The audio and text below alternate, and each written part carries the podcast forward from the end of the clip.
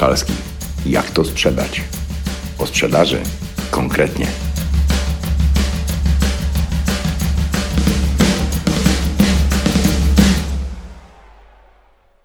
Jak radzić sobie w trudnych sytuacjach podczas rozmowy handlowej, podczas negocjacji? Nie zawsze sprawy toczą się tak, jak zaplanowaliśmy. Zupełnie normalną rzeczą jest to, że założony plan rozmowy handlowej może ulec zmianie. Załóż, że najczęściej ulegnie zmianie i to nagłej. A liczy się to, jak zareagujesz na nieprzewidziane, na zmianę, na trudną sytuację. Zresztą to dotyczy nie tylko rozmów biznesowych, wszystkich rodzinnych, firmowych, rekrutacyjnych, negocjacyjnych, ale my skupimy się na rozmowach handlowych. Jeżeli klient, pracownik, rozmówca po prostu zaskakuje cię pytaniem, na które nie znasz odpowiedzi, sprawa jest prosta. Po prostu powiedz, że nie chcesz wprowadzić nikogo w błąd, zależy ci na tym, aby otrzymał konkretną informację, dlatego dowiesz się i wrócisz z odpowiedzią, prawda? Proste. Ale co, jeśli otrzymujesz żądanie od klienta, którego nie możesz spełnić? Na przykład jeśli chodzi o cenę lub o jakiś parametr transakcji, na który nie możesz się zgodzić, a klient nalega. Zadał pytanie, określił co chce, patrzy ci w oczy i masz ułamek sekundy na reakcję. Jest presja. To jest stres. I zdarza się wszystkim. Najgorsze, co może się wydarzyć w tym momencie, to zacząć myśleć przez pryzmat, jak spełnić oczekiwania klienta. Pamiętaj, dbanie o najwyższy poziom satysfakcji klienta nie jest spełnianiem wszelkich jego zachcianek i życzeń za wszelką cenę, tylko za taką cenę, jaką chcesz uzyskać. Trudną sytuacją może być jakiś kryzys z klientem, trudna rozmowa, reklamacja lub po prostu nagle przestało być miło i zrobiło się niemiło. Padają twarde słowa i głębokie spojrzenia. Musisz zareagować. I masz na to ułamek sekundy. Prawdopodobieństwo, że zareagujesz źle, jest olbrzymie. Umiejętność radzenia sobie w takich sytuacjach to podstawowy element umiejętności handlowych, komunikacyjnych, negocjacyjnych. To może być na przykład: Wasze produkty są dużo droższe od konkurencji. W internecie mam to samo taniej. Chętnie kupimy, ale mamy o 20% mniejszy budżet. Ładnie pan bajki opowiada, ale co z tego może się spełnić? O, to może być przy sprzedaży usług marketingowych na przykład. Albo, okej, okay, dam panu tę nieruchomość na sprzedaż, ale nie zapłacę prowizji lub maksymalnie 1%. To może być na przykład nagła prośba współpracownika o podwyżkę. Lub wiesz o czym mówię, przecież, prawda? Jednym ze sposobów, który jest stosowany dosyć powszechnie w takich sytuacjach, to ukrycie się. To naturalny ludzki odruch obronny. Porozmawiam z szefem, Postaram się to załatwić, zrobię co będę mógł, spróbuję, poproszę o zgodę na takie warunki, na taką cenę, zobaczę co da się zrobić. Przemyślę, zrobię ofertę. To ukrycie się. Lub jeśli rozmawiasz ze współpracownikiem i usłyszysz postaram się. Postaram się to alibi na niezrobienie tego, o czym rozmawiacie. No, obiecał, że się postara, a nie, że zrobi. To też forma ukrycia się to jednocześnie okazanie słabości. To słabość. Odwrotną formą ukrycia się jest argumentowanie, przekonywanie i obiecywanie, że na przykład jesteśmy najlepsi. Czyli na postawione stanowisko lub żądanie lub jakąś obawę klienta przechodzimy do kontrataku. Pada na przykład: Mam obawy, że to, co proponujecie, jest trudne do spełnienia. A rozmówca na to w ułamku sekundy odpowiada: Proszę się nie martwić. Wielokrotnie radziliśmy sobie lepiej niż zakładaliśmy. Ukrywanie się lub kontratakowanie, obie te formy są błędne. Nie budują atmosfery zaufania i kompetencji i rzadko dają oczekiwane efekty, choć są powszechnie stosowane. Często nieświadomie, automatycznie. Metod wychodzenia z tego typu sytuacji jest mnóstwo. Jedną z nich jest prowadzenie rozmowy w taki sposób, aby uniemożliwić tworzenie trudnych sytuacji rozmówcy, czyli przewidywać, ubiegać, kontrolując przebieg rozmowy. Ale to trudne i wymaga umiejętności dynamicznej oceny sytuacji, odczytywania stanów emocjonalnych rozmówcy, umiejętności błyskawicznego określania, czy to, co słyszysz, to prawda, czy fałsz, czy stanowisko negocjacyjne, czy faktyczna potrzeba. To przewidywanie, co stanie się za chwilę. Lub Czy ktoś nie próbuje po prostu wprowadzić cię w stan stresu, aby uzyskać więcej niż początkowo chcesz mu dać? Fakt, to trudne i wymaga pracy nad sobą, uczenia się i ćwiczeń, doświadczenia. Najważniejsze to nie odpuszczać. No tak, ale jak? Nie ma uniwersalnych metod sprawdzających się zawsze. Nie odpuszczać oznacza w ułamku sekundy wiedzieć, co należy robić, co powiedzieć i jak się zachować. A stres w tym nie pomaga. Zapewniam, utrudnia i to bardziej niż ci się wydaje. Mając wiedzę teoretyczną, umiejętność zastosowania jej w praktyce w sytuacji stresującej, nerwowej, to wyzwanie dla najlepszych. Z pewnością miałaś, miałeś czasami odczucie, że po przeprowadzonej trudnej rozmowie docierało do ciebie po jakimś czasie, że można było postąpić inaczej, lepiej. Niepotrzebnie to powiedziałam, powiedziałem, lub po prostu nie wiedziałem, jak się zachować. W praktyce od Twoich osiągnięć właśnie w trudnych sytuacjach zależy Twój sukces, zależy to, co osiągasz, ponieważ sprawy proste, łatwe załatwi każdy. Pamiętaj o jednej rzeczy. Niezależnie kto to jest klient, szef, partner, partnerka, policjant, urzędnik skarbowy jeżeli ktoś wywołuje u ciebie stres, zdenerwowanie, to to może oznaczać, że właśnie chce to robić i robi to. To może również oznaczać, że nie wie, co robi. Po prostu rzekł sobie coś i tyle. Lub jest naburmuszony, może niedowartościowany i chce pokazać, kto tu rządzi. Lub nieumiejętnie próbuje negocjować cenę i warunki. Pamiętaj, naprawdę silni ludzie, zawodowi handlowcy, negocjatorzy, nie okazują złości oraz siły, jaka w nich drzemie. Nie muszą, bo po co?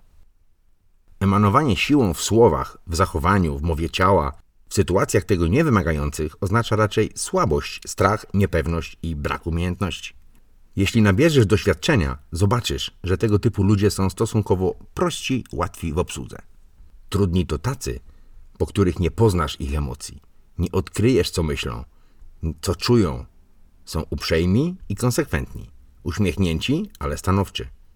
Rozluźniają atmosferę, ale tylko po to, abyś ty czuł się dobrze, a oni mogli kontrolować przebieg rozmowy. Jeżeli ktoś jednak zachowuje się siłowo wobec ciebie, najlepszym rozwiązaniem jest nie reagować. Nie reagować. Łatwo powiedzieć, wiem. To nie jest proste, jednak zaufaj. Twoja nerwowa reakcja jest tym, na co czeka twój rozmówca. Nie dawaj mu tego, a zaczniesz zdobywać przewagę. Nie reagować nie oznacza nic nie robić. Trzeba wiedzieć, co zrobić w takiej sytuacji. I nie jest to proste, ponieważ każdy ma swoje emocje, które w tym momencie mogą być podrażnione i skutecznie ograniczają zdolność oceny sytuacji i właściwej reakcji. Dlatego ułatwię ci to i zacznij od prostej rzeczy, która też oznacza brak reakcji, a daje tobie przewagę. Zawsze. Jest łatwa w stosowaniu i umiesz to robić. Zapewniam. Włącz hamulec bezpieczeństwa. Włącz hamulec Twojego bezpieczeństwa.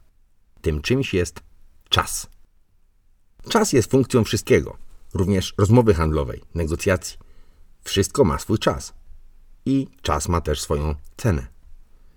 To prosta i uniwersalna metoda dająca przewagę zawsze. Czas. Jeśli nie czujesz się pewnie, jeśli coś zaskakuje cię, nie wiesz jak się zachować, co powiedzieć, Najlepszą techniką stosowaną przez zawodowców to kup sobie czas. Sposobów na kupienie czasu jest mnóstwo. Na przykład, jeśli prowadzisz rozmowę siedząc naprzeciw rozmówców, poproś o przerwę. To może być chęć skorzystania z toalety chociażby, pilna sprawa rodzinna, lub po prostu powiedz tak.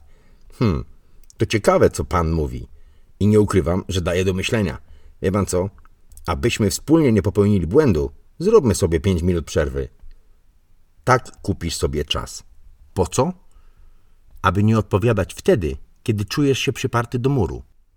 Naturalnych sposobów na zrobienie przerwy jest tak dużo, jak potrafi wyprodukować Twoja wyobraźnia. Najważniejsze jest to, aby wyjść na moment sytuacji, jaka ma miejsce, stanąć z boku i ocenić to na chłodno. Z innej perspektywy, zaufaj. Wystarczy na moment przerwać i Twój mózg zluzuje, dając szansę na rozwiązanie. Z pewnością w szkole wielokrotnie musiałaś, musiałeś udzielić nauczycielowi odpowiedzi na zadane pytanie. Po prostu pada pytanie i wiesz lub nie wiesz. Pomyśl, co byłoby, gdybyś miał kwadrans na zastanowienie. W szkole jest o to trudno, bo nauczyciel z premedytacją zadaje pytanie i oczekuje odpowiedzi tu i teraz. Nauczyciel ma swego rodzaju władzę nad uczniami i ocenia. W życiu, w biznesie tak nie jest. Zawsze możesz kupić sobie czas, ponieważ to ty decydujesz, co zrobisz, kiedy i nie oddawaj tego prawa nikomu, nawet klientom. Jeśli rozmawiasz z kimś przez telefon, sprawa jest prosta. Po prostu poproś, czy możesz oddzwonić za kilka minut. Przemyśl, skonsultuj, pooddychaj i oddzwoń przygotowany. Jeśli prowadzisz rozmowę z kimś, dajmy na to pracując w salonie sprzedaży, czegoś i zdarzyło się coś, co wprowadziło cię w kłopot, nie odpowiadaj intuicyjnie, tylko dlatego, że ktoś tego chce. To nie nauczyciel w szkole.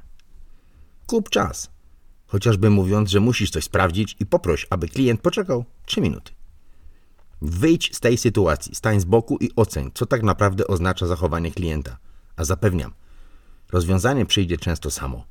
Wystarczy wyjść z narożnika, stanąć z boku i kupić sobie czas. William Urey w legendarnej książce Odchodząc od nie, którą każdy powinien czytać wielokrotnie, nazywa ten mechanizm wyjdź na galerię. Aby nie było niedomówień, ja używam kup sobie czas. Dlaczego? Swego czasu w trakcie treningu negocjacji poproszono mnie, abym doprecyzował, na jaką galerię. Galerię, czyli gdzie mam iść? Od tego momentu używam kup sobie czas. Do dziś jeszcze nikt nie zapytał, gdzie. W trudniejszych procesach handlowych, negocjacyjnych, przerwa jest czymś zupełnie naturalnym. Czasami wystarczy kwadrans, czasami dzień, czasami tydzień. Istotne jest to, aby nie działać pod jakąkolwiek presją. A zapewniam, jeśli zdarzy ci się rozmówca zawodowy, stworzy ci presję i ciśnienie, abyś właśnie pod jej wpływem podejmowała, podejmował decyzję. Na to nie wolno pozwalać nikomu. W ten sposób masz szansę na przejęcie kontroli nad każdą rozmową. To podstawa dająca szansę na unikanie błędów, na osiąganie o wiele lepszych wyników w sprzedaży, w negocjacjach. Problemem w sprzedaży może być na przykład cena. Zdarza się, że klient na początku rozmowy chce rozmawiać o cenie lub innym problemie, który według niego jest istotny. Druga zasada zawodowej sprzedaży oraz negocjacji brzmi: zacznij od części wspólnych. Sprawy trudne przełóż w czasie. Zawodowy handlowiec o cenie rozmawia wtedy, kiedy sam zdecyduje, że już można o cenie rozmawiać. Zaczynając od tak zwanych części wspólnych, tworzysz atmosferę porozumienia, braku konfliktu, spójności interesów.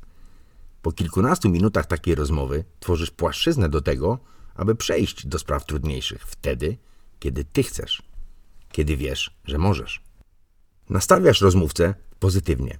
Skoro podkreśliliście sobie to, co jest wspólne i rozmowa trwa, bez presji, w dobrej atmosferze i pozwalasz tym samym, aby twój rozmówca wszedł w sprawy trudniejsze, pozytywnie nastawiony. A zapewniam, najczęściej okaże się, że to, co wydawało się trudne na początku, jeśli przestawić to na koniec, może zniknąć w ogóle lub problem rozwiąże się sam. Jak to zrobić? Na przykład, jeśli pada pytanie o cenę, o rabat lub klient na początku mówi, że dysponuje takim a takim budżetem i więcej nie może wydać, zostaw to. Nie reaguj. Przenieś w inne miejsce. Jak? Chociażby tak. Widzę, że otwarcie mówi pan, czego oczekuje i na czym panu zależy. To bardzo dobrze. Doceniam to i zapewniam, że jestem tu po to, aby sprostać temu zadaniu. Dlaczego? Hm, bo jest pan moim klientem. Zostawmy to na moment. Potrzebuję dowiedzieć się nieco więcej od pana, abym mógł zrobić najlepszą propozycję. Czy mógłby pan? I tu zadajesz pytanie otwarte, szerokie, łagodne. Ważne, aby stało się to w jednym ciągu słów, z szerokim uśmiechem na ustach lub używasz parafrazy, powtarzając własnymi słowami to, co powiedział klient, oczekując potwierdzenia, dając tym samym sygnał, że zrozumiałeś i jest to dla ciebie ważne. W związku z tym doceniam pana otwartość. Jestem tu po to, aby takim zadaniom sprostać. Zabierzmy się za to. I zostawiasz to, przechodząc otwartym pytaniem dalej. To jeden z setek sposobów, który ma spowodować, że zamiast zaczynać od trudnych tematów, wręcz paradygmatów klienta, przeprowadzasz go w inne łagodne miejsce, obiecując, że zajmiesz się tym, co chce, ale za chwilę. Popatrz. Nie potwierdzasz, że otrzyma to, co chce. Obiecujesz, że wrócicie do tego wspólnie za moment. I to jest prawda. Wrócicie, ale już inaczej. A być może nie będzie w ogóle trzeba. Wiem, że to wygląda łatwo, ale taki nie jest. Wymaga pewnych umiejętności komunikacyjnych, które warto ćwiczyć i rozwijać. Jak radzić sobie w trudnych sytuacjach handlowych z klientem? Po pierwsze, nie reaguj automatycznie, tylko dlatego, że ktoś tego chce. Po drugie, kup czas. Stań z boku, oceń sytuację z dystansu, pooddychaj sobie głęboko lub skonsultuj z kimś niezaangażowanym. Po trzecie, przenieś problem w inne miejsce. Po czwarte, wróć do niego, jeśli jeszcze problem będzie istnieć. Kilka lat temu w zespole handlowym, którym kierowałem, miałem handlowca, który zupełnie nieświadomie był mistrzem tego, co opisałem powyżej. Obserwowałem jego wyczyny z niedowierzaniem. Był to salon samochodowy, gdzie z łatwością mogłem przysłuchiwać się rozmowom handlowców. On po prostu miał niewiarygodny dar zmieniania tematu rozmowy. Jeżeli cokolwiek stało się nie po jego myśli, na przykład klient stwierdził, że w internecie zobaczył dokładnie to samo o wiele taniej. Handlowiec ten w niewiarygodny sposób wsłuchiwał się w to, co klient mówi, wpatrując się głęboko w oczy, po czym zastanawiał się chwilę nad odpowiedzią, dalej patrząc głęboko w oczy, zamierając trochę na moment. Przy okazji sprawdził coś w komputerze, aby zdobyć dodatkowe 30 sekund ciszy. Lub poszedł nagle po coś, co potrzebne będzie za moment. Lub niepotrzebne będzie wcale. Dokument lub po prostu czystą kartkę papieru. A po powrocie odpowiadał na inne, niezadane przez klienta pytanie, zmieniając temat rozmowy na taki, jaki chciał. To niewiarygodne, jak on to robił. Bez szwanku na jakości rozmowy z klientem. W sumie, w większości przypadków okazywało się, że do problematycznego pytania nie trzeba wracać, ponieważ kontekstowo odpowiedział, dlaczego tu jest drożej, pokazując na przykład sześć powodów, ale nie dając odpowiedzi na zadane pytanie. To pętla komunikacyjna.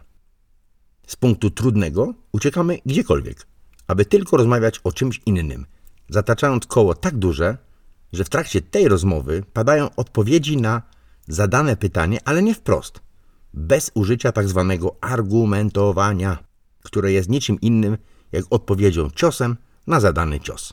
Jeśli nabierzesz w tym wprawy, po kilkunastu minutach rozmowy twój rozmówca nie musi pytać ponownie.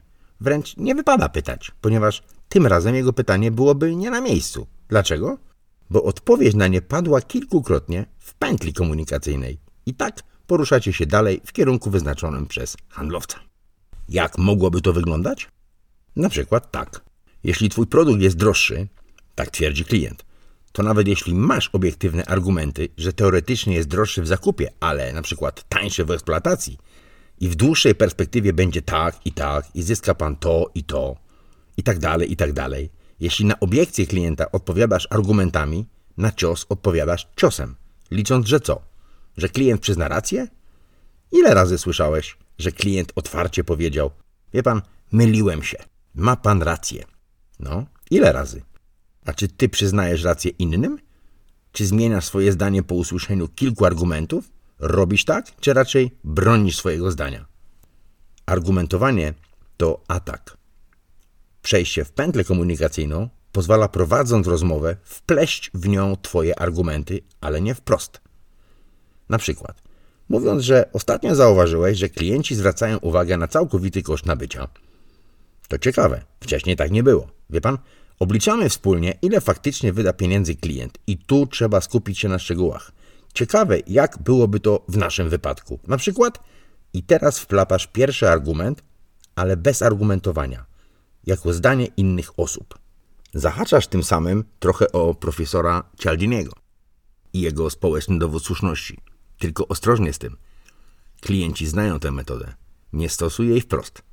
Lepiej przejdź pętlą, skupiając się na komforcie rozmowy, komforcie Twojego rozmówcy, nie Twoim. Pętla komunikacyjna to wyrafinowane narzędzie, wymagające naprawdę niezłych umiejętności. I on je miał, nie do końca zdając sobie z nich sprawę. Jak radzić sobie w trudnych sytuacjach z klientem? Przede wszystkim nie stwarzaj ich sam. Akceptuj fakt, że mogą, a raczej na pewno się wydarzą. I najważniejsze, nie reaguj bezpośrednio, tylko dlatego, że ktoś tego chce. Kup czas. Przenieś trudność w inne miejsce rozmowy. Stosuj pętlę komunikacyjną i skupiaj się na tym, co macie wspólne. Na tym, co jest dobre dla obu stron. To najpierw. Zawsze jest coś wspólne. Chociażby to, że rozmawiacie, a to oznacza, że masz coś, czego klient może potrzebować. I jeśli tu jest i nie wychodzi, i rozmowa trwa dalej, no, dalej może być tylko lepiej. To oczywiście fragment umiejętności komunikacyjnych, handlowych, które mogą decydować o tym, czy sprzedajesz, czy sprzedajesz w sposób rentowny, powtarzalny, nie stresując się niczym w pracy. Jeśli chcesz dowiedzieć się więcej, zacznij od książki. Nie każdemu sprzedasz wszystko, co zechcesz na kalski.com.pl. Zobacz, co jest możliwe. Książka, nawet dobra, jest tylko teorią. Istotne jest tylko to, co potrafisz w praktyce, działając pod presją. Wiedza jest ważna i ma znaczenie, o ile umiemy ją stosować w praktyce, w interakcji z innymi. Jeśli chcesz czegoś więcej, zapraszam na trening. kalski.pl Trening. Do przeczytania i do zobaczenia być może. Aha, i pamiętaj. Kup czas. Zaczynaj od części wspólnych. Trudne sprawy przenieś w inne miejsce. Zamiast argumentować, stosuj pętlę komunikacyjną, dbając cały czas o komfort Twojego rozmówcy. I ćwicz. Próbuj. Testuj. A zobaczysz, jak te trzy proste narzędzia wpływają na powodzenie w rozmowach handlowych, negocjacyjnych, wszystkich. Dobrego dnia.